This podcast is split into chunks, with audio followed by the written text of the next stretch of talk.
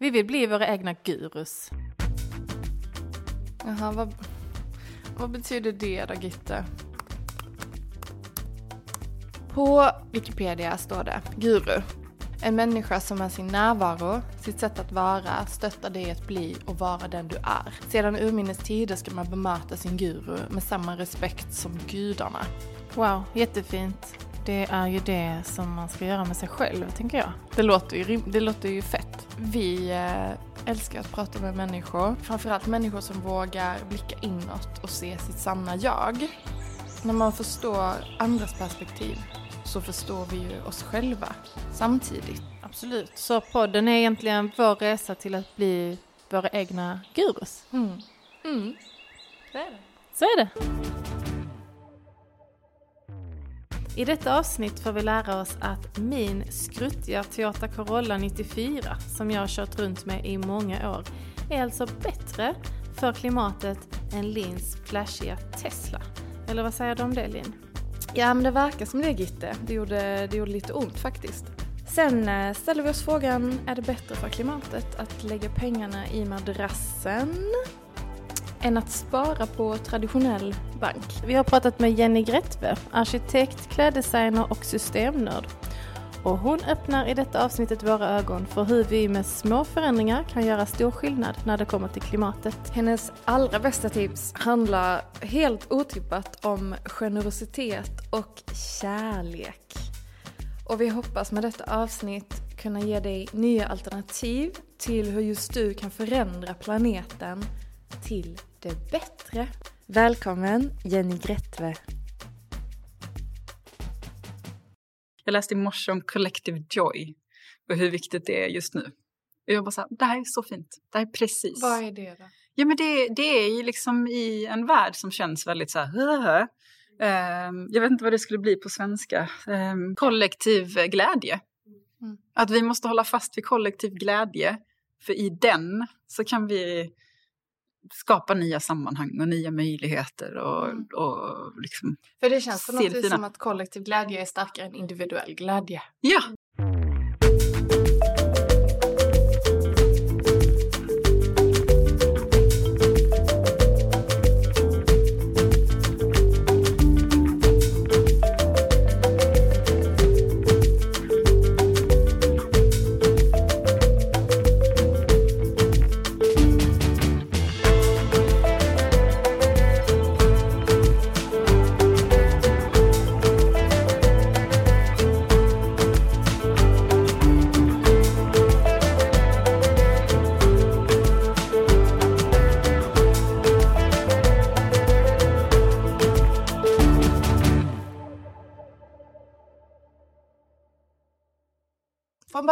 Vem är du?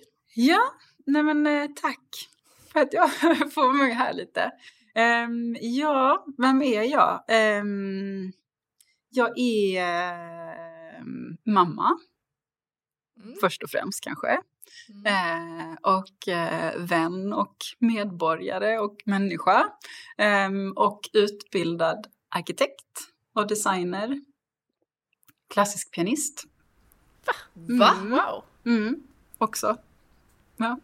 och, Min mamma Ja. är konsertpianist. nej! Jo, Ah. och jag har blivit drillad Ja, ja, sen ja. jag var liten. Ja, ja men vad kul. Mm. Ja, ja men det, då känner du igen det här när man sitter och spelar ett litet stycke om och om och om igen.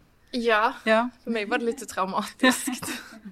Men ja, ja fortsätt. men det Okej. finns i alla fall i min bakgrund. Ehm, och sen driver jag nu en egen designbyrå som heter When When och som är en feministisk systemtänksdesignbyrå. Eh, Och eh, jag tänker att vi kommer prata lite mer om vad system och systemtänk är. Men eh, jag jobbar med hållbarhet och eh, försöker se de stora, stora systemen globalt i världen. Eh, och hur vi kan designa och liksom förflytta och förändra system som känns förlegade eller inte hållbara. Och du har ju också, för jag var ju nära att köpa en fantastisk jacka av dig. Ja, Du har ju designat kläder, jag egna. har också. Precis. Jag har ju också då en utbildning inom design, modedesign eh, och drev egen, en egen eh, byrå i många år. Och jobbar också för lite olika märken. Mm. Ja. Heter det då Jenny Grättved, ditt designmärke som du har? ja, hittar man en jacka som det står Jenny Grättvis så är det Då är från det den din. eran i Ja. mitt liv. Ja. Kul! Mm. Mm. Så kreativitet hör ihop med, med mycket annat, tänker du, med det du gör? Absolut. Mm. Men när började din, ska man kalla det aktivism? Det känns ändå som du har ett, ett Mm. driv Mm. mot att saker och ting ska bli bättre. Ja. Eh, ja, men det tänker jag att alla eh, kanske gör lite idag på, på olika sätt. Och om man inte gör det så kanske man borde göra det. Men vi lever i en tid där det, där det är mycket som förändras eh, och mycket som är svårt. Eh, men jag, det började faktiskt när jag höll på med, med kläder och mode och liksom såg hur hela den branschen eh, ja, men stod för så väldigt mycket som går emot eh, hållbarhet och klimat och klimatkris. Och hur vi liksom överkonsumerar eh, produkter som, som är gjorda på dåliga sätt och fraktas allt för långt. Och hela den hysterin i att vi bara ska ha mer och mer och mer. Eh, så det väcktes lite där eh, tills jag faktiskt fick nog och inte ville vara del i, i hela det systemet.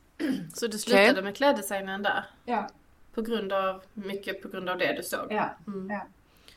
Men var det även så då att om du designade kläder så, så gör ju inte du det liksom i en stor massa Nej, men var- tyget var kanske fortfarande... eller? Ja, nej men i min, e- det var ju det jag försökte ju som liten eh, designer att liksom slå emot de här stora. Så att jag producerade allting i, i Europa, mycket i Baltikum med tyger producerade i Europa. Men då blir ju också priserna väldigt, väldigt höga. Mm. Och det är rätt svårt att överleva på det Mm. när det finns andra stora jättar som säljer ehm, väldigt mycket och väldigt billigt.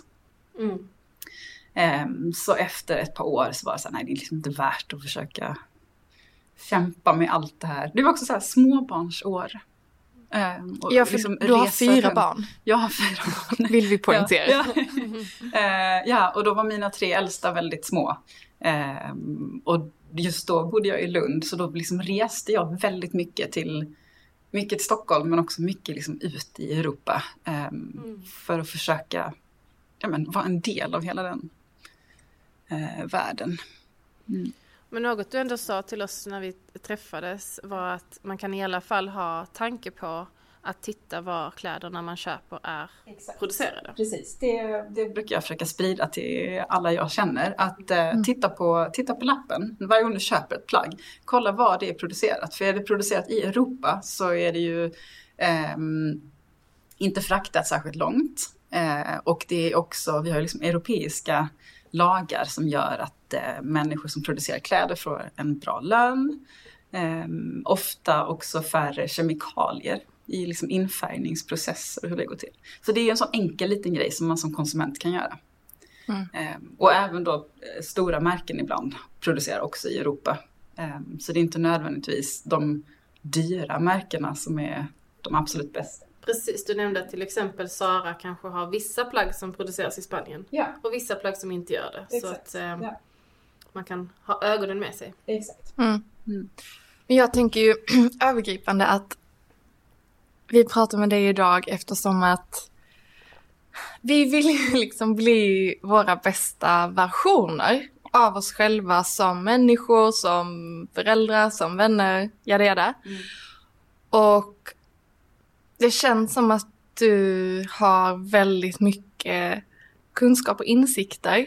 Både så här jobbiga saker, Mm. men också, jag vill inte säga lösningar, men i alla fall en insikt i vad som skulle kunna vara lösning till, till en övergripande struktur. Mm. Mm. Och jag tänker att du, du får börja och, och Ja. berätta. Ja. Nej, men jag, alltså det jag har jobbat väldigt mycket med de sista åren är systemtänk eller systemteorier eller liksom övergripande system. Eh, och jag har jobbat mycket utomlands. Eh, jag har jobbat mycket i London på en, eh, på en designbyrå där.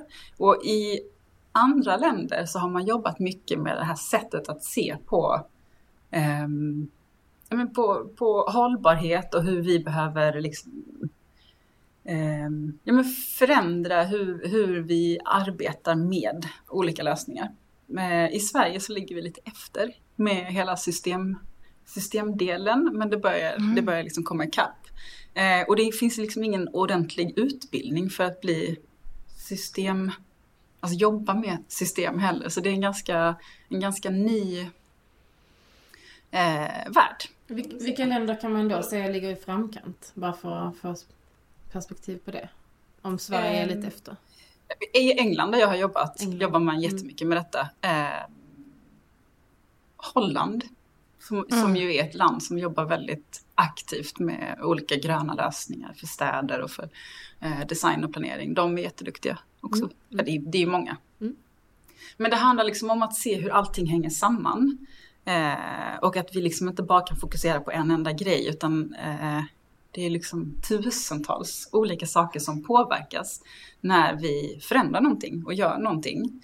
Eh, och hur kan man liksom, hur kan man se det? Hur kan vi skapa visuella kartor för, liksom, för att enklare se att om, ja, men om vi slutar eh, köra bil i en stad, vad är effekterna? Eh, och då kan man liksom göra en karta och visa på hundratals olika saker som kan hända, men också över tid. Eh, då kan man säga så här, men dagen efter så är, det, är gatorna tomma, men sen efter 50-100 år så är det kanske en massa andra effekter som, som man inte tänker på direkt. Men, eh, ja, men då helt plötsligt så gick eh, flickor själva till skolan. För det kändes tryggt. Och vad händer då? Ja men då får kanske de en bättre utbildning och sen så blir de mer eh, högutbildade. Då jobbar vi med, med ehm, eh, könsroller. Mm. Helt plötsligt så blev mm. bilarna kopplade till könsroller. Mm. Det är liksom systemtänk och att liksom eh, sitta och grubbla lite på det. Eh, det är ju rätt mycket eh, men hypoteser. För det är ju rätt svårt att veta exakt vad som kommer hända. Men det, det är liksom så här, de effekterna av olika saker i samhället och hur det hänger samman. Och också globalt. Hur, vi, hur vad vi gör här har en effekt på andra människor eller eh, levande eh, väsen, saker, ting eh, på, en, på en helt annan plats. Det, det är underbart att det finns människor som du som verkligen funderar på det här. Ja. Eh, så att vi får perspektiv ja, jag på känner, livet. Ja, jag känner bring it on. Alltså börja ja. berätta om någonting som... Nej men jag har jobbat med så himla mycket olika saker. Det är ju men allt från stadsplanering som ju kan vara väldigt eh, eh, konkret och eh, ja men som jag sa, vad händer, vad händer om man förändrar gatumiljö? Vad händer om man planterar träd? Vad, vad blir effekterna? Eh, men jag har också jobbat med typ framtida utbildning. Vad, vad behöver ett barn lära sig i en skola om 50 år? Eh, och vad är liksom det som vi behöver förändra nu för att det ska ske då om 50 mm. år? Um, um, väldigt mycket med, med jag jobbar ju på engelska hela tiden så jag mm. pratar på svenska. Imagination. Um, fantasi. Fantasi. Fantasi. Uh, ja men det är många som pratar om att vi har någon sorts kollektiv brist på att uh, um, se hur en framtid kan se ut och kännas och upplevas. Uh, någon sorts brist på fantasi. Um, så det har jag också jobbat en del med. Varför hur, är det så tror du? Um, jag är inte helt säker på att det är det. Um, det, det, är många som jobbar med systemtänk som har jobbat med just den frågan. Jag tror mer att den är länkad till um, uh, ojämlikhet. Alltså om, du, om, om man lever på gränsen till att överleva så har, vi, har du liksom ingen stund över att sitta ner och fantisera. Um, så jag tror att det är en helt annan problematik egentligen som ligger bakom um, bristen på fantasi. Eller på att liksom kunna visualisera mm. en, framtid. Och samtidigt så blir ju vi eh, intalade att vi ska vara i nuet. Mm. Så vi ska inte tänka så mycket fram och tillbaka eller? Jag vet inte, spontant så tänkte jag ju på att för många idag så tror jag det är svårt att hitta utrymmet att använda sin fantasi mm. eftersom att vi blir bombarderade mm. av intryck hela, hela, hela tiden. Mm. Och framförallt är ju skärmar uh, det största. Mm. Att... Men det är ju två saker där. Det, det här med att vara i nuet, tänker jag. Alltså det ena utesluter ju inte det andra. Nej. Och jag tror att det är viktigt att, att, att vara i nuet. För mig, liksom att vara i nuet betyder liksom att lugna ner och att ge sig själv lite tid och bara, nej men nu sitter jag här med min kopp kaffe. Mm utan telefon. Behöver inte stressa. och bara, nej, och bara så här, nej, men sitter jag och filosoferar en liten stund, tittar ut genom fönstret eh, en halvtimme. Det är ju, är ju ganska provocerande att göra idag, att inte göra någonting. Mycket viktigt. Ja. Mycket, mycket viktigt. Men i det mm. så kan man ju sen sitta och fantisera om en framtid. Och jag tänker mm. det som är viktigt, som vi ofta inte gör, är att vi inte tänker tillräckligt långt framåt. Att vi Eh, mm. Mångas liksom, kommuner och städers eh, som jag har jobbat med, de, det finns en planering för kanske de nästa tre åren eller fem åren som, som hänger väldigt mycket ihop med våra politiska system. Att vi byter ut dem eh, vart fjärde år, vilket gör det väldigt svårt liksom, att, att fullfölja långa, långa projekt och långa perspektiv. Men vi borde ju också tänka 50 år eller 100 år framåt. Vad är det vi skapar idag? Hur, vad har det för effekt om 100 år? Eh, Men då tänker jag att det krävs ett incitament. Alltså ja. om man inte, låt säga att, men någon sån här altruistisk, att man så här vill andra varelser som du aldrig kommer träffa mm. och som du aldrig kommer känna, att du mm. vill dem väl. Mm. För till exempel har du inte barn, mm. för annars kan man ju göra så för sina barn. Ja men jag, jag eh, väljer att inte konsumera eller resa eller vad det nu är jag väljer att inte göra. Mm för mina barns skull. Och då kan jag se att okej, okay, de kommer få det bättre troligtvis. Mm. Men låt säga att man inte har barn. Och bara så, ja men för främlingar om hundra år, då ska jag offra detta i mitt liv idag för att en främling eller en miljon främlingar ska mm. få det bättre. Mm. Det tror jag är svårt för en finns, individ. Det finns vissa um urbefolkningar som har jobbat jättemycket med det och haft det liksom djupt inrotat i sin kultur. Att man alltid, allt du gör ska ha en länk sju generationer bakåt och sju generationer framåt. Och sju generationer är jättelång tid. Alltså det är ju, då har du ju ingenting eh, personligen med dem framåt. Ja, de kommer ju inte veta vem du var, tänker jag. Alltså Nej. det är ju inte en eller två eller tre generationer. Ehm, det sättet att vara har vi ju tappat helt i, i vår del av världen. Men är det för att vi inte har någon stark koppling till naturen? Jag tänker att urbefolkningen mm. lever väldigt nära naturen och kanske mm. har mer andlighet och mer liksom ser ja, det mm. magiska. Mm. För nu pratar vi ju om oss och vårt mm. samhälle här. Sen mm. så finns det ju så många andra olika samhällen och kulturer ja. i världen. Ja. Men jag tänker också att jag tror ju att man föds igen faktiskt. Alltså jag tror ju att jag du lever igen, eh, eller alltså själen. Själen. Mm. Mm. I en annan form. Igen, mm. någon gång. Så egentligen så, så finns det ju där igen kanske om hundra år, Lin. Du själv. Ja, men, men jag, det, vi sitter ju här och vill bli bättre ju. ja, ja absolut. för, för att vi tänker att mm. det, det kommer Ja, men det, ja, ja, men jag tänker att det är ju det är förmodligen mycket där vi har gjort fel. Och det är därför vi sitter i någon sorts planetär kris. Att vi har helt eh, släppt den, det sättet att vara mm. eh, med, liksom, inte bara naturen, men planeten. Eller hur vi ska säga, att vi är ett med, att vi är ett. Eh, det, det är liksom väldigt spirituellt, men det är ju också materiellt. Alltså om vi tittar på atomer och fysik, så allt hänger ju samman. Mm. Um, vi är ett ekosystem. Ja. På, på många olika Exakt. Ja. Så egentligen skulle man kunna prata om att, att, att vår kultur har, ser det spirituella som någonting negativt eller om man lite grann... Eh, eh främmande. Främmande eller om man ja. lite puttar bort det. Men också eh, som någonting som man går in i en liten stund och sen går man ut i det igen och så är man i sitt vanliga liv. Mm. Att inte det är liksom del av allt vi gör hela tiden. Denna veckas avsnitt sponsras av ännu ett otroligt varumärke av en kvinna som ville skapa en hudvårdsolja med helt naturliga ingredienser. Maria Härkner har tagit fram oljorna MH Face Oil som är gjorda i liten skala i Sverige. Oljorna har noga utvalda ingredienser från det lyxigaste som naturen har att erbjuda de är helt växtbaserade, veganska, utan kemikalier, ekologiska, inte testade på djur och dessutom multi-purpose. Det innebär att du inte bara kan använda oljan i ditt ansikte utan du kan också blanda den i din foundation, vilket jag själv gör för extra glow och fukt, eller som en hårolja på slitna och torra toppar.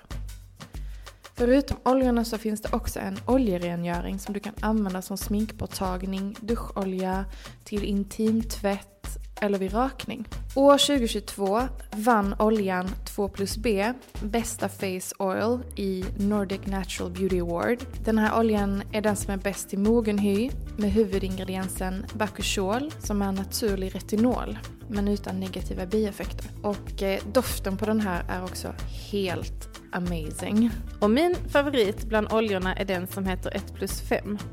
Då jag, har, jag har en historia av mycket problem med min hy. När jag var yngre så brukade jag och min kompis skämta om att vi pratade mer om våra hudproblem än om killar. Så illa var det. Tills jag kom fram till att jag behandlade min hy fel. Jag skulle behandla den istället som känslig och torr.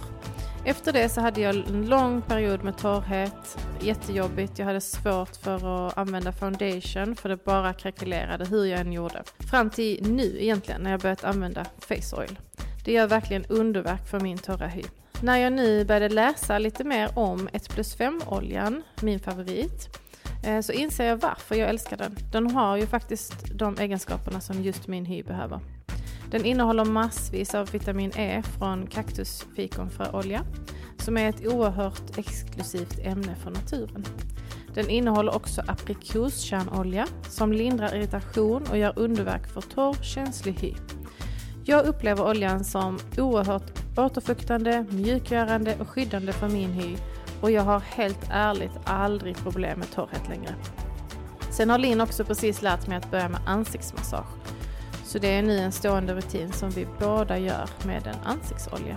Med koden GURGIRLS20 får du 20% på hela MH Face Oil sortiment fram tills den sista januari 2024. Men det känns som att vårt samhälle, om vi får generalisera, är väldigt eh, konsumtions och pengadrivet. Mm. Mm, det är Lite. Jag, nej, men det är ju någonting jag eh, har studerat väldigt länge. Jag är jätteintresserad av ekonomi.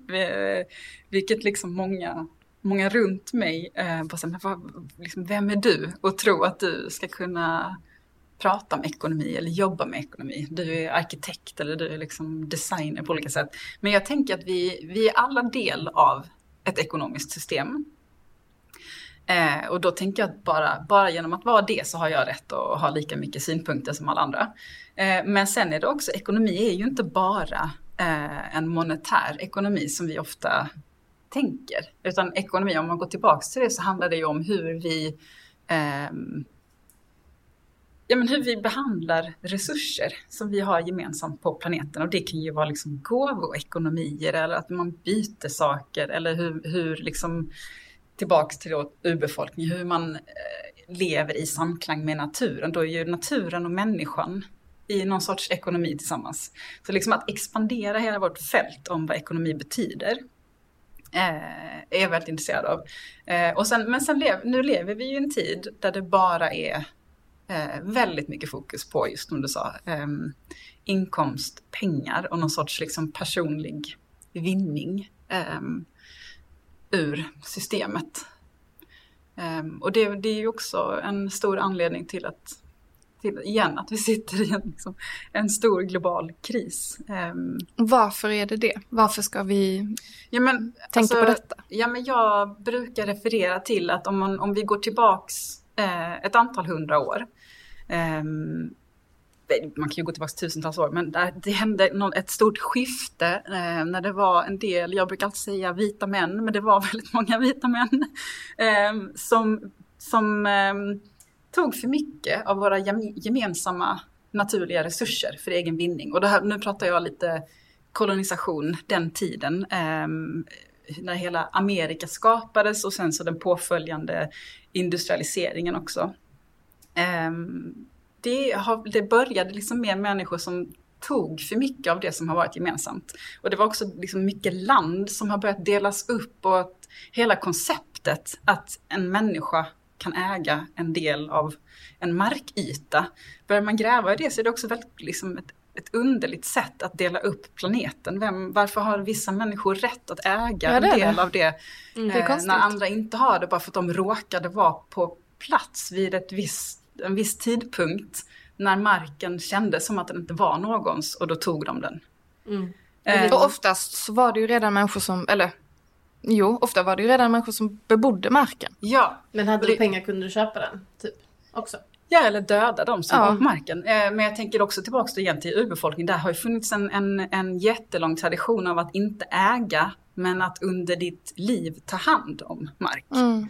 Eh, Så hela det konceptet med att någon skulle Förvalta, äga var, liksom. ja men precis, det, det fanns inte riktigt innan de här männen klev in. Mm, och detta var då, då industrisamhället egentligen började byggas upp, eller? Också, ja. Att det ska vara ett system med strukturer. Ja, så jag tänker att vi, vi, vi lever liksom på eh, historia och en tradition av, av någonting som är väldigt ehm, ja, men stagnerat och som vi tänker är det enda systemet eller det liksom, normala systemet. Men sen finns inte det systemet i hela världen, i alla kulturer, eller? Eh, det tänker jag nästan att det gör. Mm, okej. faktiskt. Det är ju väldigt få urbefolkningar kvar. Eh, väldigt, det finns Jo. till exempel har jag, eh, det gjorde vi en utställning nyligen om, om just land och ägandeskap och att det finns två små platser kvar på planeten som inte ägs av någon. Ehm, Var är då, det? är det, ja, men då är det en liten, liten, pytteliten del på eh, Arktis och en liten, liten, liten del mellan Egypten. Nu ska vi se så jag säger rätt här. Ah, osäker, men eh, Egypten. södra Egypten. Ja. Eh, det är de Mm. enda två delar kvar. Allt annat ägs av någon. Wow. Men har du suttit och druckit din kopp med kaffe och tittat ut genom fönstret och funderat på vad skulle framtiden kunna erbjuda för alternativ? Eh, Eller ja. ett annat synsätt. Ehm. Bara, vad, okej, för jag kan inte komma på, Nej. jag bara, mm, så här Nej. kan man göra eller så här man kan man tänka. förändra hela... Ja, man Ja. skulle förändra litet eller stort. Ja, Mm. men det är så extremt många olika delar som behöver förändras. Mm. Jo. Så jag tänker att i, liksom, i mitt arbete så har jag ju gjort många, många små olika projekt som försöker ehm, pinpointa liksom, någon liten del av i allt det här jättestora. Ehm, men ja, jag, jag, jag tänker att vi behöver samarbeta, att vi alla behöver, alla behöver liksom göra små, små, små förändringar tillsammans. Som Ehm. till exempel. Ja, men... Eh, ja, vi, vi, vi pratade lite om det innan Mm. också, men, men liksom att i, i klimatkriser kan man känna sig ehm, trött, apatisk, rädd. Ehm, vad, vad, liksom, vad, vad, vad gör det för skillnad om jag ändrar någonting litet? I det stora hela så är det liksom kört ändå, kan man ju lätt tänka. Men jag tror att vi behöver tänka om där och att vi tillsammans, liksom, om alla gör en pytteliten förändring så blir det ganska stor skillnad. Eh, men jag, det jag är inne på är att vi behöver bli mer generösa. Eh, liksom omtänksamma, Mm. vänliga. Eh, Dela med oss av våra Dela med oss. Jag tror att vi har liksom ehm, jag menar, fastnat i sätt att vara som, som vi skulle kunna uppgradera lite. Ehm, Jag reagerar ju direkt.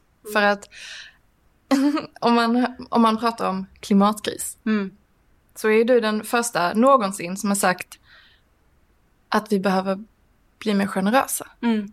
Hur tänker du då? Eh, ja, men jag, jag, tänker, jag tänker så här att om i princip alla jag känner just nu jobbar med klimatet på något sätt. Alltså det spelar ingen roll vilken sorts roll du har. Om du är lärare på en skola eller om du sitter på en bank. Alla jobbar med klimatet.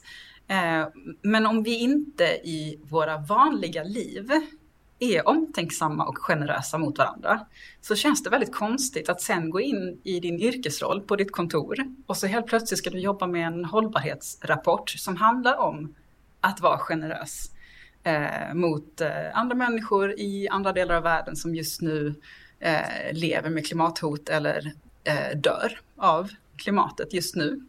Den länken eh, blir väldigt konstig. Och då tänker jag att om inte vi tränar oss i att vara väldigt omtänksamma och generösa i vår lilla, lilla vardag eh, så vet vi inte hur vi ska vara det på en stor skala, global skala. Men då sitter jag ju här och bara, men kan du ge mig några exempel? Hur Ja. kan jag idag Ja, bli mer generös? Du vet, Ja. ja. vad, verkligen så, förklara. Ja, men jag, jag tänker så här, till exempel eh, om man åker buss en eh, morgon till jobbet och sen istället för att bara gå av bussen så går du hela vägen fram och så säger du så här, tack så jättemycket för skjutsen till chauffören. Jätteliten handling, men ganska annorlunda. Det är ju ingen som tackar sin chaufför för att man fick skjuts till jobbet. Jag gör det. Gör du det? När jag, jag tog bussen i Ja. flera år. Ja. Jag sa alltid tack för skjutsen Ja. och gick till chauffören. Men Mm, och vad kan det då Alltid. ha påverkat att Linn gjorde det?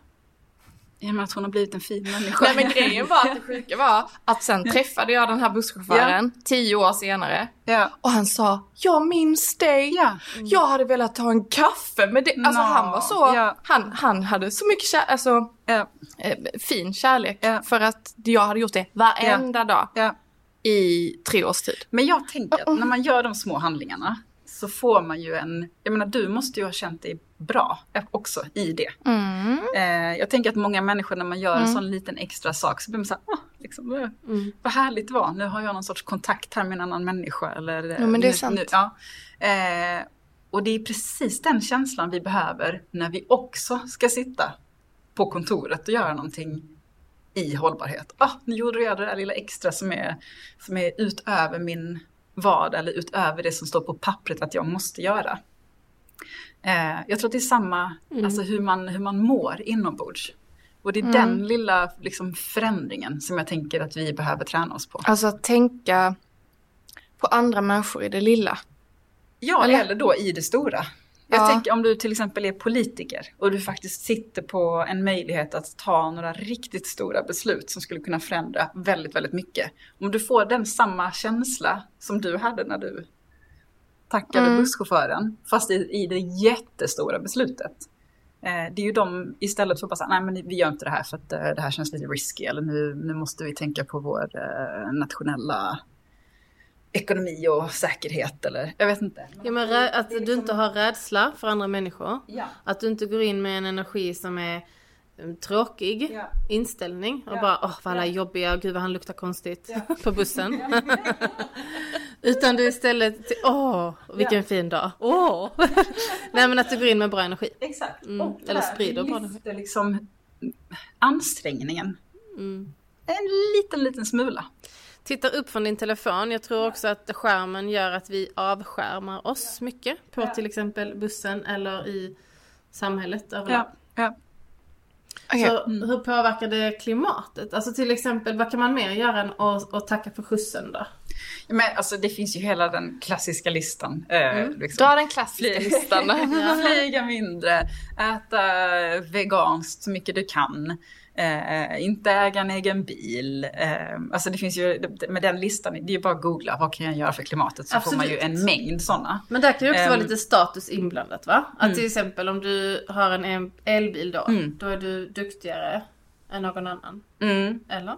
Ja men den där är ju också jätteintressant för det är ju Den bilen ska ju också produceras.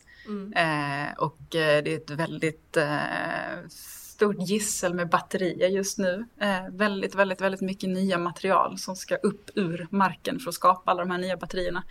Ehm, och, och liksom tillbaks till systemtänket. Det, jag har gjort en hel del så här lite knepiga, försökt förstå lite knepiga undersökningar. Bland annat eh, vanlig bil versus eh, elbil och vanlig bok versus eh, en e-bok. Vad, vad ska jag som privatperson välja?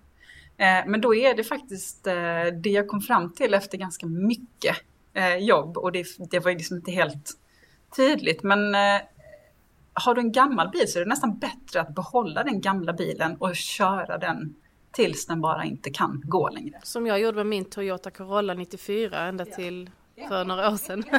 Det är bättre än att byta ut den till en elbil. Okej. För det är så mycket material och så mycket liksom, produktion och frakt och det tillkommer så väldigt mycket koldioxid eh, från den här nya bilen som då kanske egentligen på pappret känns bättre. Men om du tittar i det stora hela så, så är det bättre att behålla din gamla skruttiga dieselbil.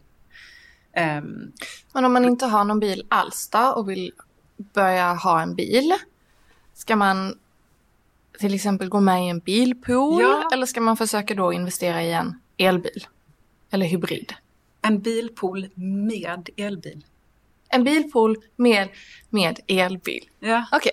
Och sen bor ju vissa på landet. Då Ja. behöver man en Ja, då behöver man det varje dag. Ja. Situation. Ja. Kanske. Mm. Men det, det är också så här, hela klimat, eh, klimatkrisen och hur man ska hantera den, det är ju liksom inte svartvitt. Det är ju en jättesoppa av hur man ska Precis. som person bete sig. Ehm, och det är, ett, liksom det, det är ju ett ansvar som man själv får ta och, och bestämma. Och jag tänker att vi behöver alla läsa på och liksom förstå ehm, så mycket man bara kan.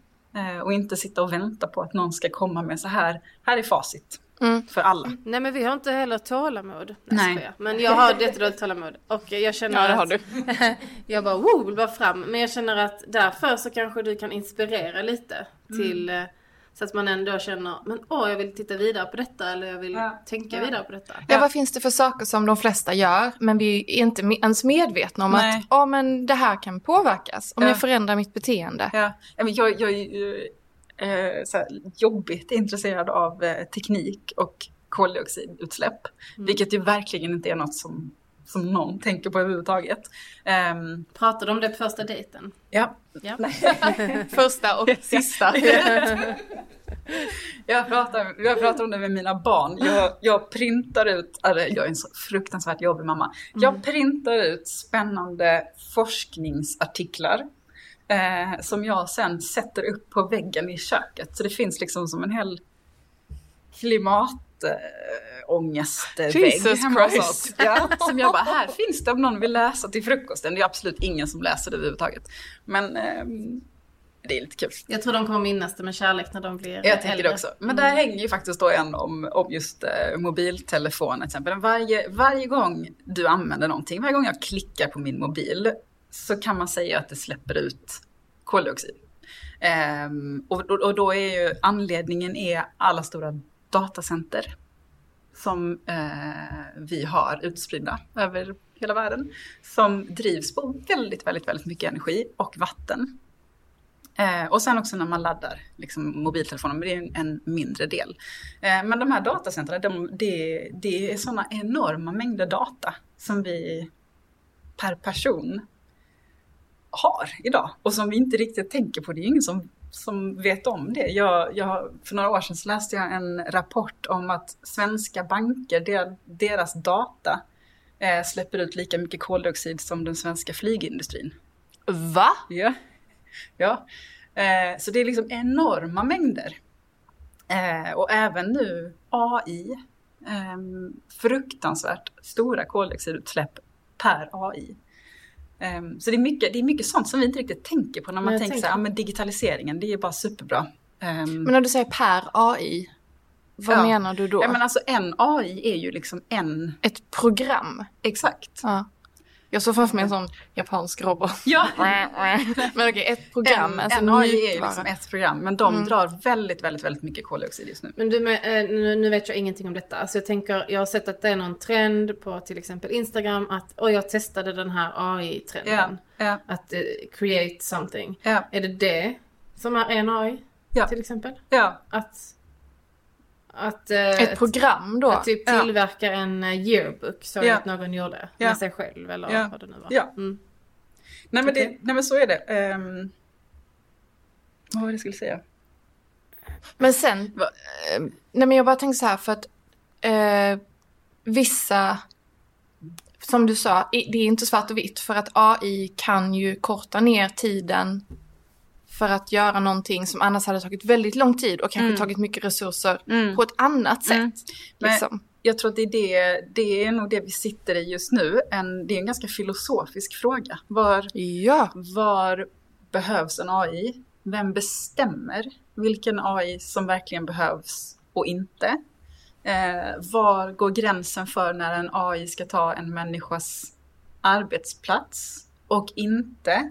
Eh, kan, man, kan vi behålla en människa på i ett visst yrke, i en viss roll, som gör jobbet långsammare än en AI, men för att det finns, för att man ser andra fördelar med att det, den människan eh, har ett välmående till exempel, framför en AI. Det är jättemycket spännande Var det tankar. inte, har ni läst om detta att det var en, en av männen som, männen, men en av, ja det var en man, som utvecklade, testade den första AI-versionen, om det var på Google, som eh, började inse att det här kommer bli livsfarligt för oss som människor. Och att han... Jag eh, tycker det är obehagligt. Eh, Alltså att han såg att AIn började kunna tänka själv. Ja. Och bara, det här ska vi inte släppa Nej. ut. Nej. Det är många som forskar på AI som, som är livrädda. Ja. Spännande. Mm. Ja. Mm. Men jag tänkte på en grej, så att det du menar i det stora hela egentligen är att jag skulle kunna knappa mindre på min telefon. Ja. Till exempel lämna den hemma ibland Ja. när jag går på promenad eller att jag inte behöver använda min telefon hela tiden. Mm. Ja. Är det då bättre att ha en eh, klocka? En eh, sån här klocka Jag istället vet inte, jag vet inte i detalj liksom. Men jag, men jag tänker, nej men vissa grejer som jag har läst är till, till exempel Mm. eh, avskriv dig på alla nyhetsbrev som du inte är superintresserad av. Jo då, det blir försöker man ju. Väldigt mycket data som, som ju sparas. Jag har precis börjat Alltså, producera nyhetsbrev till mitt eh, företag. Så ja, okej. Men det kanske är mycket värt att läsa. Den kan ni prenumerera på. Ja, nyhetsbrev är seriöst något som är väldigt jobbigt i mitt liv. Ja. För att jag orkar inte avprenumerera mig. Jag tycker det är Men så om jag jobbigt, nu jag får för säger mycket. till dig att det tar väldigt mycket koldioxid och att det Ja. är Ja. dåligt för planeten Ja. och du ska tänka på dina barn så kanske det går. Jag ger inte ut min mailadress eh, till höger och vänster till företag. Nej, det tycker inte jag att jag gör heller, men jag får ändå en jäkla massa skit. Ja men Alltså, det, det är ju... ehm, Jag ska börja av... Du får börja Ja, nu. nej, men det är Mm. väldigt, väldigt, väldigt mycket data per person Mm. per dag. Alltså det finns ju massor med olika Det tänker man inte så mycket eh, på. uträkningar på exakt hur mycket det är. Ehm, men nej, nej, det är ju, och den, det bara växer och växer och växer. Och det kommer ju liksom bli ännu, om vi ger fem, tio år till så är det brutala mängder data. Men då tänker jag att då kanske man ska till exempel tänka på, eller jag tänker att jag kanske ska ta bort gamla e-mailadresser. Ja. Ta bort helt och hållet för att där kommer ju in massa gammalt liksom, Ja, som ja. inte jag tittar på ens. Ja. Och det är ju helt onödigt då. Ja. Mm. Men jag, då tänker jag så här, okej, men vad är, hur mycket energi går åt till mina nyhetsbrev versus om jag väljer att inte köpa några nya kläder på ett halvår? Mm. Eh, Eller menar du att man faktiskt ska på alla fronter Ja. göra så gott ja. man kan? Man kan Små förändringar. lite... För man vill ju fuska, man vill Ja, ju komma precis. runt det. Exakt, men det tänker jag är ju väl, jag tror att många sitter där, ah, men nu gjorde jag ju så här så nu får jag göra detta istället. Ja ah, men nu köpte jag en elbil så nu kan vi åka på solsemester. Mm. Ehm, eh, men så funkar det ju inte utan det måste ju, vi måste jobba med alla de här, alla fronterna samtidigt. Ehm, och jag, jag tror också, det brukar jag prata med en del andra som jag jobbar med, att allt det vi behöver göra nu måste vara, det måste vara så jobbigt att det gör lite, lite ont. Då, då börjar vi liksom se en förändring som är på den nivån där vi behöver vara just nu. Men det här med att vara snäll gör ju inte ont. Alltså det här med det här tänket. Nej. Kan du, kan du em, utveckla det lite? För jag tror att det är många som blir förvirrade av... Men jag vill säga en Ja. sak till. Att man skulle kunna eh, jämföra det med vardagsmotionen. Mm. Om du tar trapporna istället för hissen och Ja. du, du går till jobbet istället för eh, bilen eller vad det nu är. Ja, ja, Vardagsmotionen, du vet den här som man har fått höra många gånger. Det här är hälsoknepet. Som Linn också sa till mig häromdagen. Du har ju trappor, ta trapporna istället för hissen. Ja, och om man säger då Gör de här små förändringarna. Mm. Avprenumerera, ansträng Mm, dig mm. genom att avprenumerera på nyhetsbrev eller Mm. ta bort gamla e-mailadresser Mm. eller lämna telefonen lite Mm. mer eller vad det nu kan vara. ja, De sakerna kan i det stora hela egentligen eh, göra förändringar som, ja. ja som om, du faktiskt eh, kan känna dig bra Ja, det om en miljard människor rensar sina e-mails, det blir ganska mycket data. Om vi nu bara pratar om det. Om vi bara pratar om det. Eh, så ja. jag menar, när, när vi Mm. alla går samman och börjar göra saker tillsammans så, blir det, så får det en väldigt, väldigt stor effekt. Men vad finns det mer? För, för nu pratar vi ju om jordens... eh, Du säger klimatkris, men jag Mm. tänker att det här handlar om hur vi bara kan må, ah, hur alla kan faktiskt må bättre och ha Ja. det bättre. Ja. Och vad finns det mer för saker som vi skulle kunna börja tänka på? Som är ganska små saker, enkla saker. Nej, jag, jag, jag, jag tänker så här, jag, jag tänker att du har, eh, det är helt rätt det du säger, att han- hela klimatkrisen och det vi gör handlar om att vi vill att alla människor och levande djur och växter och små svampar, allting, att alla ska kunna få leva ett fint liv. Det är ju liksom grunden i vad vi vill försöka förändra, det är ju liksom målsättningen. Mm. Ehm, men jag, vet, jag, jag tänker att det är inte... Ingen människa kan sitta och säga om du ska göra detta och detta och detta i, liksom i detalj. Um, för det, livet är så komplext. Uh, vem, vem är jag att sitta och säga att ah, men du får absolut inte, du får bara köra 14 mil per dag i din bil eller du ska bara äta den här sortens mat. Men som jag sa innan, jag, jag tänker att hela liksom, tänket i, om vi då går tillbaka till att, att det måste göra lite ont, det är i förändringen. Ja, men det, ja, det är jättesorgligt att jag kanske inte kan flyga runt med mina barn eh, till varma länder precis hur jag vill. Eh, och blir det ännu värre kanske jag inte kommer kunna flyga alls med dem. Eh, det, är ju, det gör ju lite ont. Bara, men jag fick se världen när jag var liten. Nu får inte jag ge det till mina barn. Mm. Det Min- gör ont. Absolut. Eh, men det är ju också någonting som man, då får jag ju sitta med den känslan och acceptera det och tänka, okej men vad, vad, vad kan vi göra då som, som, som ger oss samma glädje men som är något annat?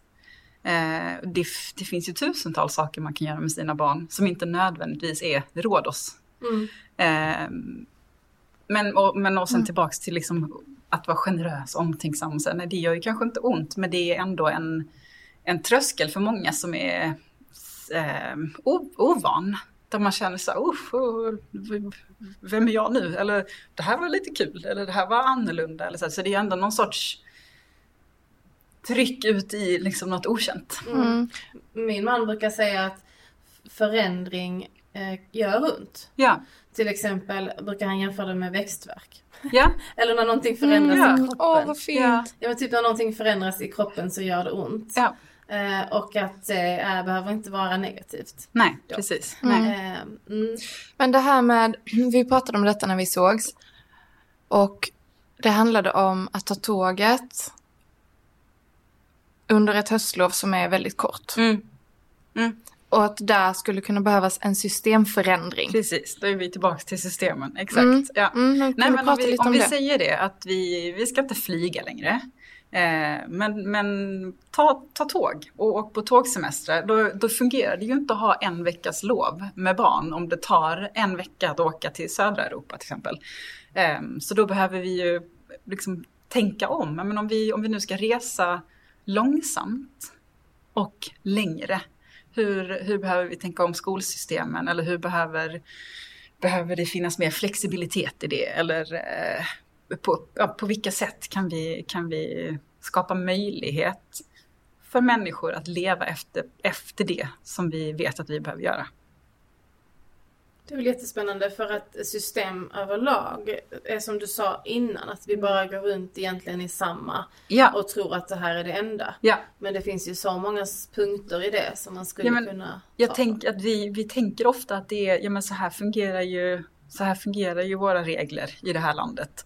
Men det är ju ingenting som är, som är, som är fast. Man kan alltid förändra alla system. Jag har tänkt på det där med fondsparande. Ja, Kan du berätta om det?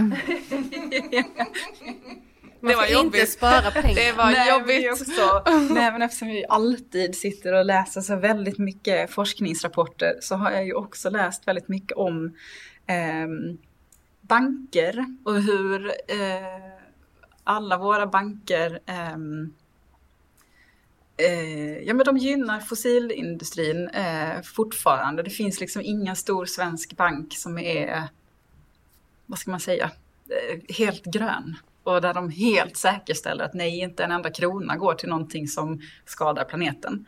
Eh, det finns några små som försöker men som, som jag har testat men de, det är lite svårt att få, få allt ur en sån bank om man vill kunna göra olika saker. Ehm, så, och då betyder det ju att varenda krona du har på banken faktiskt medverka till att eh, förstöra planeten lite grann. Och ju mer pengar du har på banken, desto mer delaktig är du i den processen. Mm. Vad ska man göra istället? Ja, kan man skriva till sin eh, bankperson? Ja. Hej, Hej, jag skulle vilja att mina sparpengar endast går till, eller att bulken av det går till ja. green tech eller till att det investeras i något bra ja. för planeten. Mm. Ska man göra det? Ja, Eller ska man, jag tänker att ju, ju, fler människor som gör det, desto mer tryck blir det ju på bankerna att verkligen jobba med detta. Det finns ju listor på vilka alltså, rangordning av vilka banker som är bättre och sämre. Um, mm, men då tänker jag också, om detta skulle betyda att en människas pension blir lägre för att det finns en större marknad inom olja och mm. Eh, ändbara resurser eftersom det är den strukturen som finns var ska man då hitta balansen? Mm. För att en person vill ju också kunna leva ett drägligt liv på en pension som kanske mm. redan är låg. Mm. Ja men det är ju tillbaks till kruxet i hela, liksom hela systemet. Det är på så många mm. nivåer och på så många olika sätt som, eh, som man liksom är delaktig i eh, en planetär kris. Och även om man tänker, tillbaka, även om man tänker, men nu har jag inte flugit på ett år. Men så är det så många andra sätt som man är ofta omedvetet är väldigt, väldigt delaktig i fortfarande. Ja, för jag tänker i så fall att, okej, okay, men det här du pratar om att vara mer kollektivt och tänka ja. på andra och så. Ja, om det är så att en person som har en låg pension då får en lägre pension. Men att grannen som har resurser mm. varje dag kommer och här får du lite mat eller... Alltså jag försöker mm. bara tänka i mitt huvud, okej okay, hur ja. skulle detta liksom kunna funka? Jo, för om vi tänkte mer på varandra så hade det kunnat mm. funka. Ja. Men då krävs det liksom att vi gör det. Men det kanske är lite som, nu är filosofisk, nu är jag filosof. Vad filosofisk? Lite som det du sa till mig Linn, för jag pratade om så här, hur ska jag kunna eh, tjäna mer pengar? Det är säkert många som frågar sig det. Mm. För det är ju det som vi i samhället eh, riktar oss på många gånger. Ja. Och då så eh, vände du frågan Lin lite till Ja, men om du till exempel vill, vad vill du göra för pengarna? Just det. Just det. Vad vill du göra för pengarna? Varför vill du ha pengarna? Mm. Vill du gå på spa? Mm. Då kan du ju också bli bjuden på spa. Mm. Det behöver inte vara dina pengar. Alltså du kan ju vinna en gratis sparresa. Mm. Eller um, du kan ju ha byggt upp din uh, sociala medier så att du får saker eller vad det nu kan vara. Mm. Eller om vi då är generösa mot varandra och delar med oss. Mm. Nu tänker jag inte att spa kanske är det viktigaste för mig i och för sig. Men eh, det kan ju vara... Nej men det kan ju vara att jag behöver, att, vad vill du ha pengarna till? Mm. Ja men jag behöver verkligen en massage, jag har inte råd med en massage säger vi då. Mm. mm. Okej, okay eh, men du kanske kan bli bjuden på massage av någon. Det kanske kommer någon i ditt liv som säger Du jag utbildat mig till massageterapeut för att testa på dig. Igen, det är liksom inte svartvitt. Det är inte så att pengar är, är dumt och att man inte ska ha någon pengar alls och att det är liksom ett hållbart sätt att vara. Men jag Eh, jag har testat på mig själv en liten grej som, jag, som ni också skulle kunna testa ju. Men det är så här, jag, jag har skrivit ner vad jag vill. Alltså jag skulle vilja ha en liten sommarstuga eller jag skulle vilja eh, göra de här olika sakerna. Och så har jag spesat det och så har jag fått en summa. Bara så här, men det, det här är vad jag behöver. Eh, och så har jag tänkt att det är mitt mål. Jag vill få in alla de pengarna. Det är, ganska, det är rätt mycket pengar ändå. Eh, och sen tänker jag allt som sen är utöver det det kan jag, bara, det kan jag som du säger, ge bort, bidra, eh, investera i någonting för samhället. Eh, ja. Men då finns det liksom ett slut. För jag tänker att mycket av problematiken är sen många, så får man lite pengar så bara, oh, men nu vill jag också ha allt detta och detta och detta. Att, liksom, att det bara fortsätter och att det är någon sorts... Mm, intressant. Att vi fastnar i liksom pengasystemet. Sant, för om du har väldigt lite pengar då lever du efter det. Exakt. Sen kanske det, du kanske hade behövt mer. Men ja. Men har du eh, väldigt mycket pengar så lever du efter det. Precis. men, att man, men att man faktiskt gör en plan för sitt mm. liv. Ja, men det, här, det är det här som, kom, som jag tänker gör mig lycklig. Eh, sen behöver jag inte mer. Nej, för det, gör, det, det jobbar ju vi med i våra liv. Alltså det här med att skriva ner sitt drömliv. Ja. Vad vill jag ha i mitt drömliv? Ja, eller jag skriver önskelista. Ja, önskelista. Men det eller vad man behöver nu inte vara materiella ting då, utan det är Nej, nej, och det är mig. ju sällan det. Det är ju sällan materiella ting, tänker Jag jag. har ett hus på den, men annars... Ja. Mm. Men att faktiskt ha en summa knutet Ja. till, det har jag Ja. aldrig... Alltså jag har aldrig räknat på, okej vad skulle mitt drömliv Kosta, kosta liksom. i Ja. månaden? Men det är ju också där, tillbaka till det du sa till mig. Det behöver ju inte alltid vara pengar. Det, alltså du kan ju få saker. Ja. Och jag bara menar att om vi är mer generösa mot varandra så kan vi ju ge varandra saker.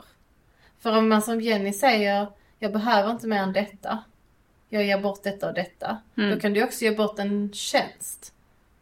Mm. Och då har någon fått det som stod på dens önskelista. Mm. Fett. Ja men gåvoekonomin, eh, är, jag, jag är jätteintresserad. Det är liksom superfint sätt att vara med varandra. Ehm, och den, den bygger liksom på att man, man ger någonting till en annan människa. Eh, och så om man, om man tittar traditionellt på där gåvoekonomier liksom har varit sättet att vara på. Men sen får du liksom inte tillbaks någonting direkt. Det är inte så att jag kommer, "Ja, men här får du liksom en kaka av mig. Nej, det måste man ju släppa. Mm. Och sen är det någon gång i resten av våra liv så kommer du ge tillbaks något Ja. annat. Karma. Ja, men det är lite strunt samma när och hur och på vilket sätt. Eh, man men det faktiskt- bygger liksom på tillit. Ja. Eh, och jag tycker det är Tillit. så ett väldigt, väldigt fint sätt att vara på. Tillit är jättefint. Ja. Och för att jag tänker att man måste släppa på att "Åh, jag gav henne en tomat och Ja. nu måste jag tillbaka ja, typ en tomat. ja. Jag har haft vänner som har blivit arga på mig för att jag har velat låna en tomat. Ja, det var därför jag tog tomat Ja. som exempel. Ja, ja för jag, det, det träffar mig i hjärtat direkt. Jag bara, fan alltså. Nej, men jag har liksom också det. börjat, för jag tänker också att den är, sitter ju också i system. Så jag till exempel ibland eh, betalar för någonting ute, men, eh, när- om jag är ute med en kompis, bara, "Du, jag, nu tar jag ditt glas vin idag. Mm. Och då säger personen, ja ah, men då tar jag nästa. Så bara, nej, du kan också betala en annan människas Mm. vin. Mm. Och så är det liksom, så Skitsamma. kan det få flytta runt lite. Det är strunt samma om det var precis dig och mig. Mm. Ehm, men hela det sättet också att vara mot varandra. För det sa du också om en kopp kaffe. Och jag har hört det någon gång, i typ i USA var det någon som bara Köp kaffe för den Ja. bakom dig. Det Ja. sa du också. Ja, ja. Men jag tänker också det, det är också, men tillbaka till tacka busschauffören. Det är en sån liten grej. Vet du vad? Jag tänker betala din kaffe idag. Mm. Jag känner inte dig. Men jag fick lite feeling. Jag började Eh. tänka på det. Men det är så fint. Och så tänkte jag, för då tänkte jag så här, ja, men jag, när jag går till eh, wherever och köper en kopp kaffe. Så tänkte jag, ah, men jag ska testa det någon dag. Och så tänkte jag, men tänk om den personen bakom mig ska köpa typ tre, tre längder med någon vetefralla och typ eh, fem koppar kaffe och jag bara hmm, jag får försöka då känna in så att den bara ska ha. Nej men du får fråga Ja. den då. Vad, vad, ska du ha, vet, ska du jag ha började kaffe liksom idag? göra ett projekt här med mitt huvud. Ja men då tänker jag, då kan du ju bara, då kan du bara snabbt haffa Ska personen framför som ska betala sin kaffe Ja, och bara, det är nej bra. jag slänger in kortet är innan. Och då, kan tro, då, då är det så, åh nej då kommer de tro Ja. att jag raggar på den och så. Nej, ja, nej men eller så är det en gammal tant. Då tar man en gammal- ja, Ja. Så är man safe. Eh, eller så tar du den bakom och så bara, det är strunt samma om den personen ska ha halva Ja, kaféet. För det är ändå en fin grej och det kommer, eh, det kommer komma tillbaks till mig. Det kommer komma Ja, tillbaks, absolut. Och jag tror att vår kultur, alltså svensk kultur, är ju obekväma med det här. Jag är då halvdansk. I Danmark skulle jag säga att kulturellt att det är eh, mycket mer så. Faktiskt. Ja, Alltså varmare kultur. Eller? Varmare vet jag inte, man kan välja Nej olika men, ord. nej men hur menar du? Hur menar du? Att eh, man inte bryr sig så mycket Ja. om vad andra tycker. Mm. Ja. Så att det finns väldigt mycket åsikter också som Ja. vräks ut. Så Mm. då, det behöver inte vara så varmt. Och det är också en, ett kallt klimat på till exempel arbetsmarknaden. Att okej, du skötte inte ditt jobb, hej då. Mm. Så det finns ju olika sätt. Okej. Men där är en rakare kommunikation. Mm. Och vi, man pratar med varandra. Mm. Alla är lite mer eh, öppna skulle jag säga. Mm. Generellt då. Mm. Eh, Och så kanske det också är i andra kulturer och länder. Ehm, Det tror jag. Typ eh, vissa delar av USA, någonstans där du har varit nyligen på det hållet. Eh, mer öppet. Ehm, kanske... Men jag, jag tänker mm. att det ligger oss i fatet lite att vi är ett land som är väldigt... Eh, ja men det är ju strukturerat de sista 50-100 åren på att vi ska klara oss själva som individer. Systemet är liksom uppbyggt så att du ska få support för att eh, ingen, du ska inte sitta fast med en annan människa på olika sätt. I, I världsläget som vi befinner oss just nu så är det inget bra.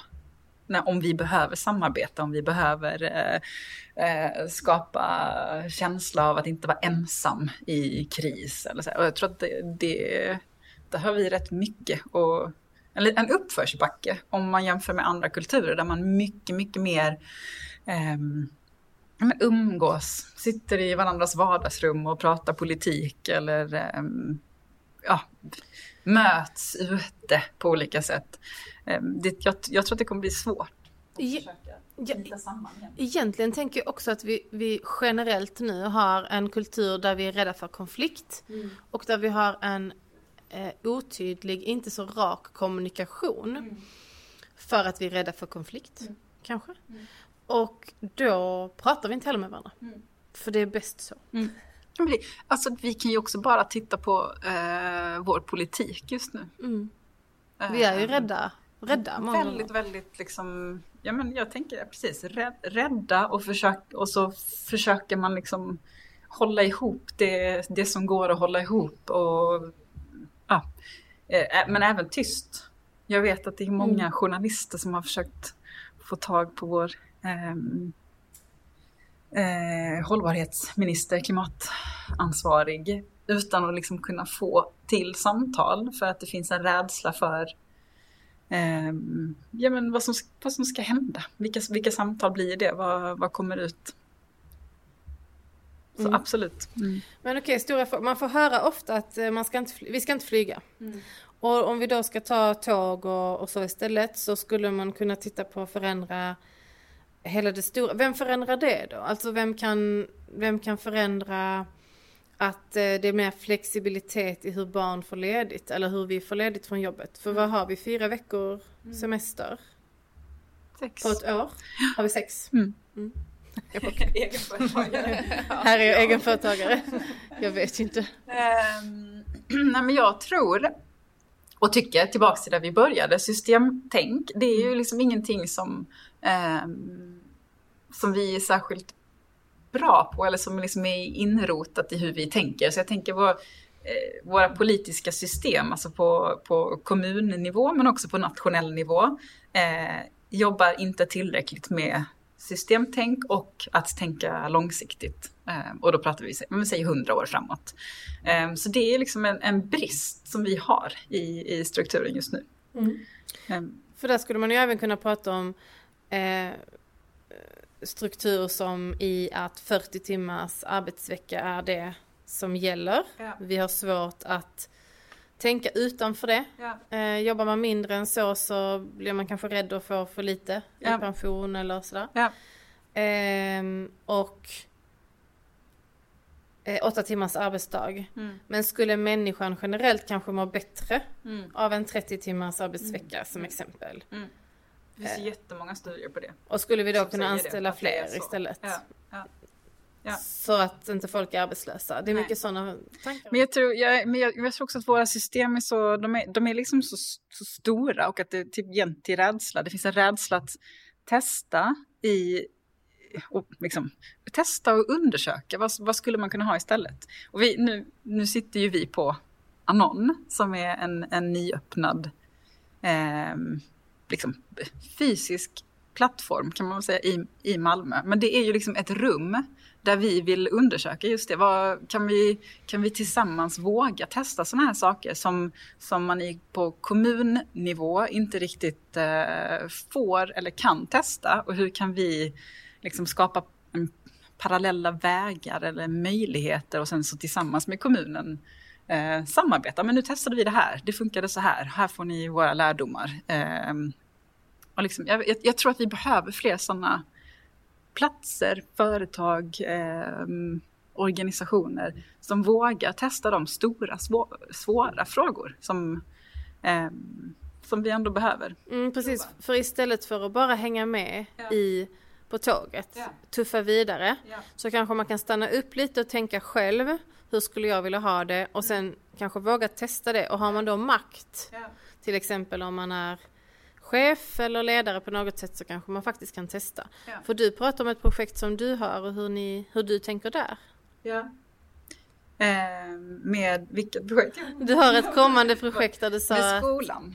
Ja det var det nog. Du Ja. sa att eh, eh, nu ska vi inte stressa. Nej, precis. Nej, men jag, jag, jag ska, jag ska eh, vara med och ta fram en strategi för hur man kan bygga en skola på helt nya sätt och eh, hållbara sätt och eh, applicera eh, the donut economics som är ett, en ekonomisk modell för att liksom hålla sig inom planetära gränser och inte använda resurser men som också är liksom en modell som ser på social hållbarhet, eh, jämlikhet, tids, som jag pratade om, tidsplaner, eh, liksom framtid.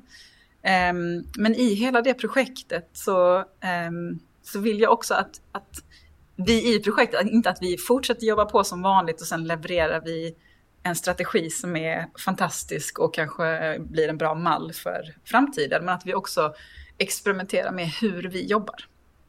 Ehm, så jag tänker dra in en massa tankar om, eh, ingen får absolut jobba kvällar och helger. Jag jobbar ju själv fyra timmar, eller fyra dagar per vecka. Eh, så jag jobbar inte fredagar. Eh, och det får man gärna haka på om man vill i det här projektet, de som är med i det.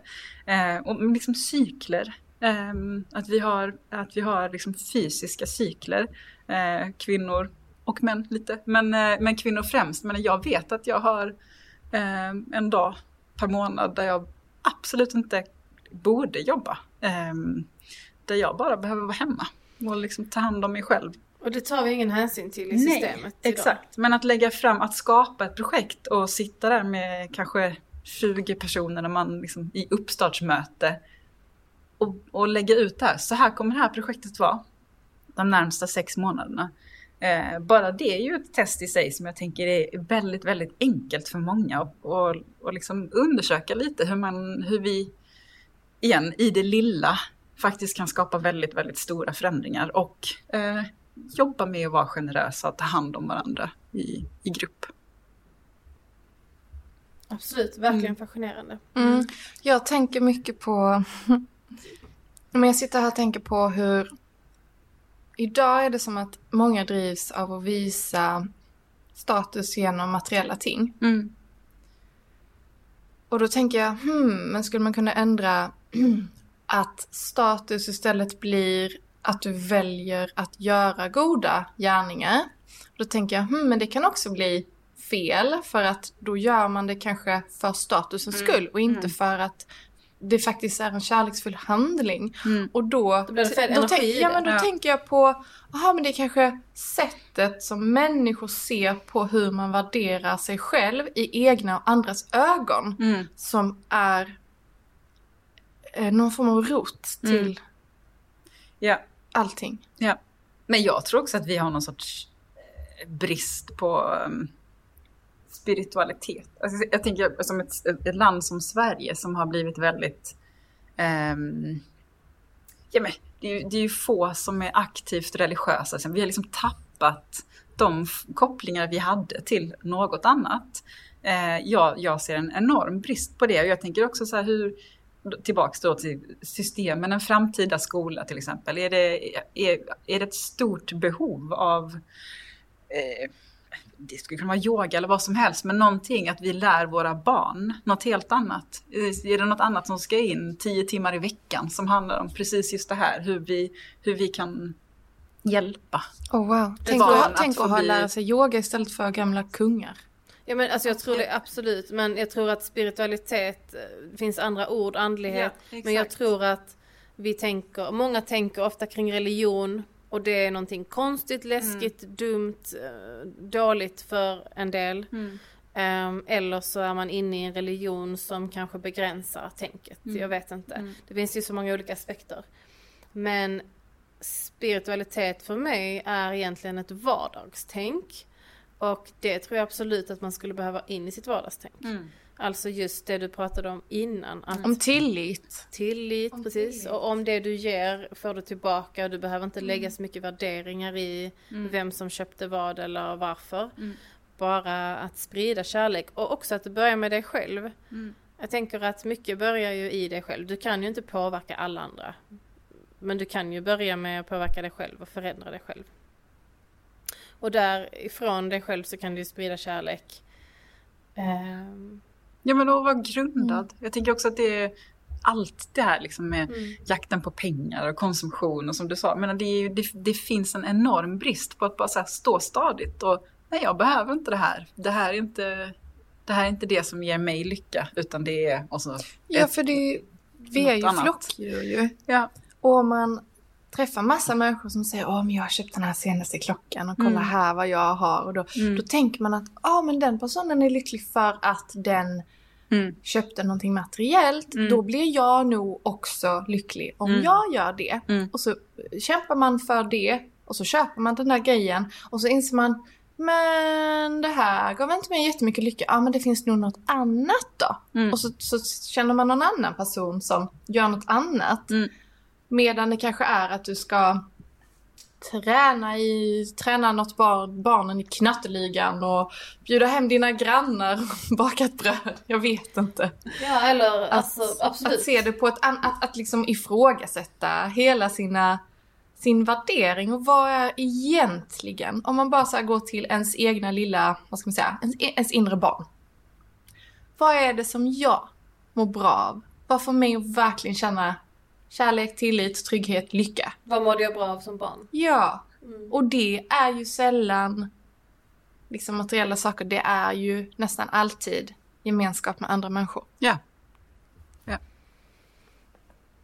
För det finns ju få saker som är så nice och fint och bara åh, umgås med. Men då ska man hitta människor man tycker om ju. Ja. Det är inte alltid. det är inte alltid. Nej men, nej men igen, alltså det, är ju- det, ja, det är ju exakt det som är grunden till, till det vi sitter i. Eh, någon sorts brist på att ta sig tid att tänka på de sakerna.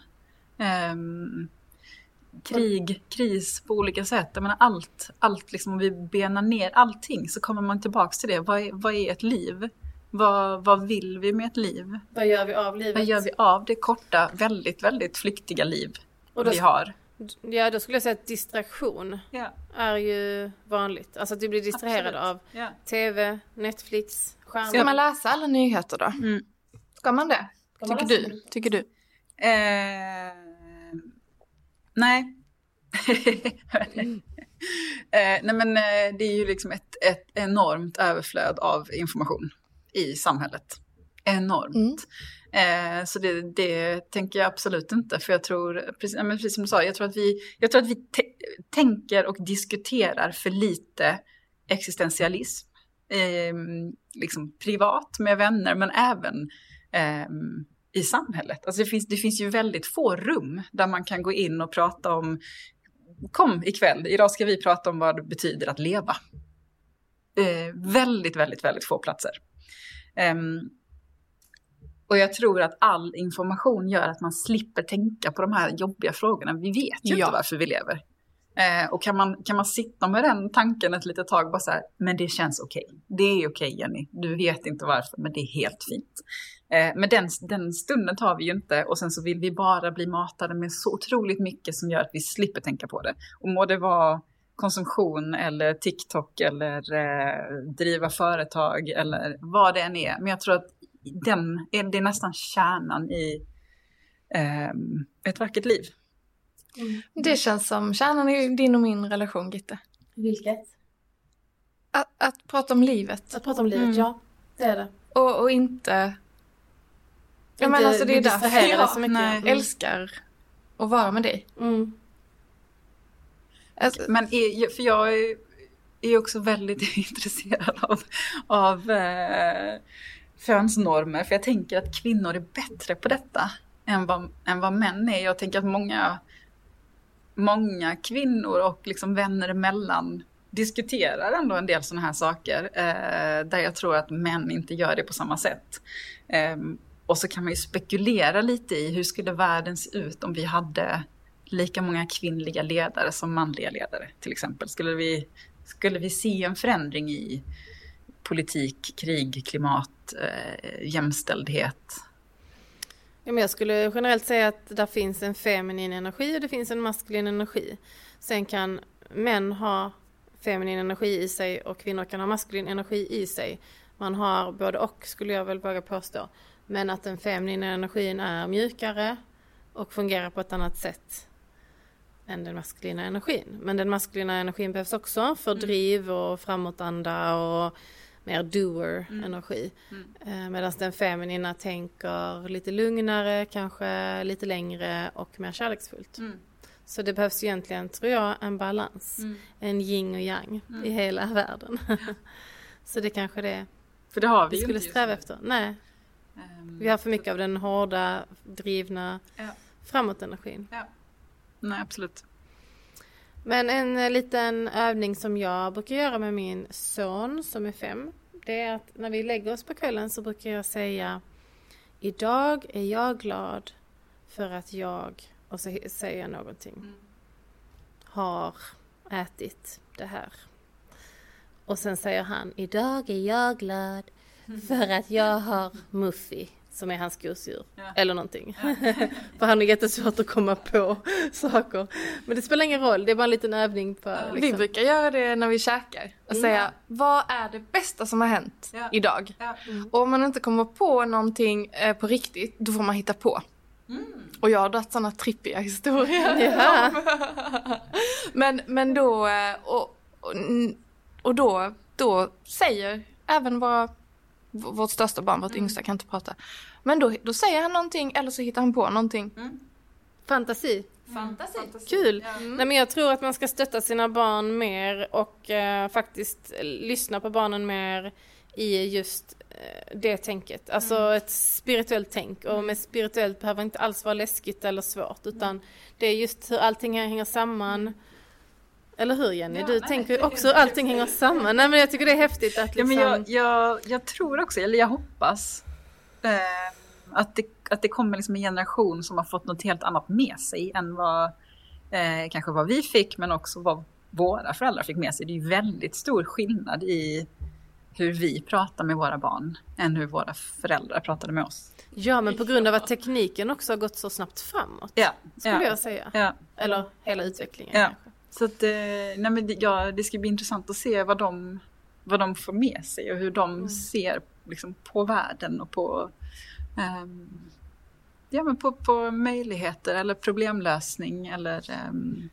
För där innovation. känner jag ändå hoppfullhet. Mm. Eftersom att det ändå, när vi var små så tror jag det var överlag färre vuxna som hade utrymme att jobba på sig själva. Mm.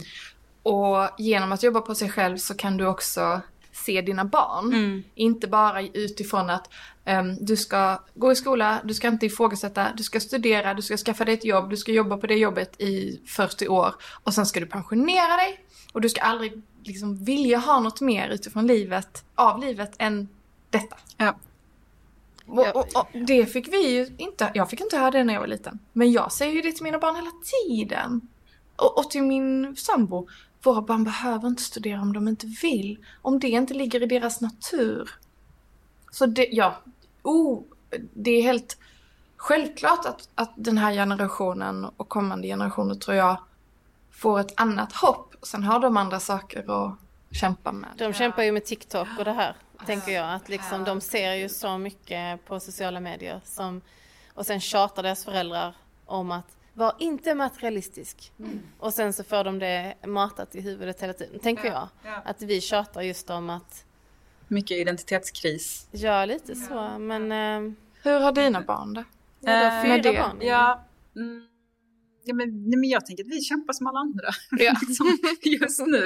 Eh, och jag, jag, lite smärtsamt så tänker jag att vi är en generation där barnen eh, digitalt kommer ha haft det som sämst. För jag tror att det kommer liksom dras åt lite. Men nu kommer ju lite förslag om att eh, barn ska ha tillbaks böcker i skolan igen och inte mm. bara ha skärmar. Det sa de på min förskola, vår förskola nu. Ja. Vi ska sluta med Precis. iPad. Exakt. Och då tänker jag att nu har ju jag tyvärr då haft barn i den här lilla svackan när man liksom testade det här som mest. Ehm, och det är ju lite smärtsamt faktiskt som förälder. Bara så, Okej, så här blev det. Um, men sen är det också svårt att vara mm, förälder kontra samhälle. Uh, och vad man liksom vill ge sina barn. Jag, jag skulle ju lätt kunna säga nej, ni får inte ha telefoner. Jag tycker det är jättesvårt. Men då, men då um, vad, vad ger jag dem då när de inte... Du avskärmar ju dem de får inte vara med sätt. på allt händer via, via appar och telefonen. Alla samtal, alla skämt, alla liksom nu ses vi på den här platsen om en liten stund. Eller, eh, och och vad, vad blir det då? då, då det är liksom nästan som att skapa någon sorts mobbingstrategi som förälder själv. Mm. Eh, så fastän jag hatar det och inte, jag, jag, jag skulle inte vilja något annat än att alla skärmar för, försvann från mitt hem. Det hade liksom varit en dröm. Mm. Så kan jag inte det. Och då är det tillbaka till de här systemen. Vi sitter fast i sådana jättestrukturer där man liksom eh, som liten människa bara, fasen hur ska jag, hur ska jag kunna, hur ska jag styra detta när allt känns, eller mycket känns väldigt, väldigt fel. Ehm, men jag, jag, jag, jag sitter ju då med mina, mina A4-rapporter på väggen. Jag, jag, jag skämtar liksom, driver lite med eh, och försöka liksom skapa någon sorts så här förståelse för eh, att det finns en annan värld eller man kan eh, göra något annat. Det är svårt för en mamma. Det är väldigt svårt skulle Ja. jag säga att Ja. nå in. Men då finns den här podden i alla fall. Ja.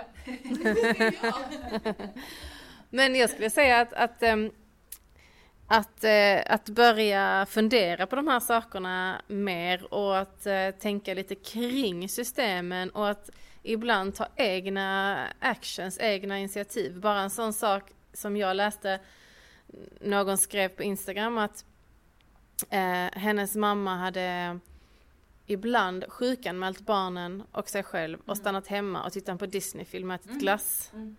När jag berättade det för min mamma hon bara Åh! För min mamma är sån som hon sjukanmäler inte sig ens om hon är sjuk. Nej. Utan jobba ska Ja. man göra. Nej men ja. det finns så olika sätt att se på saker. För Ja. att det är också viktigt att vila.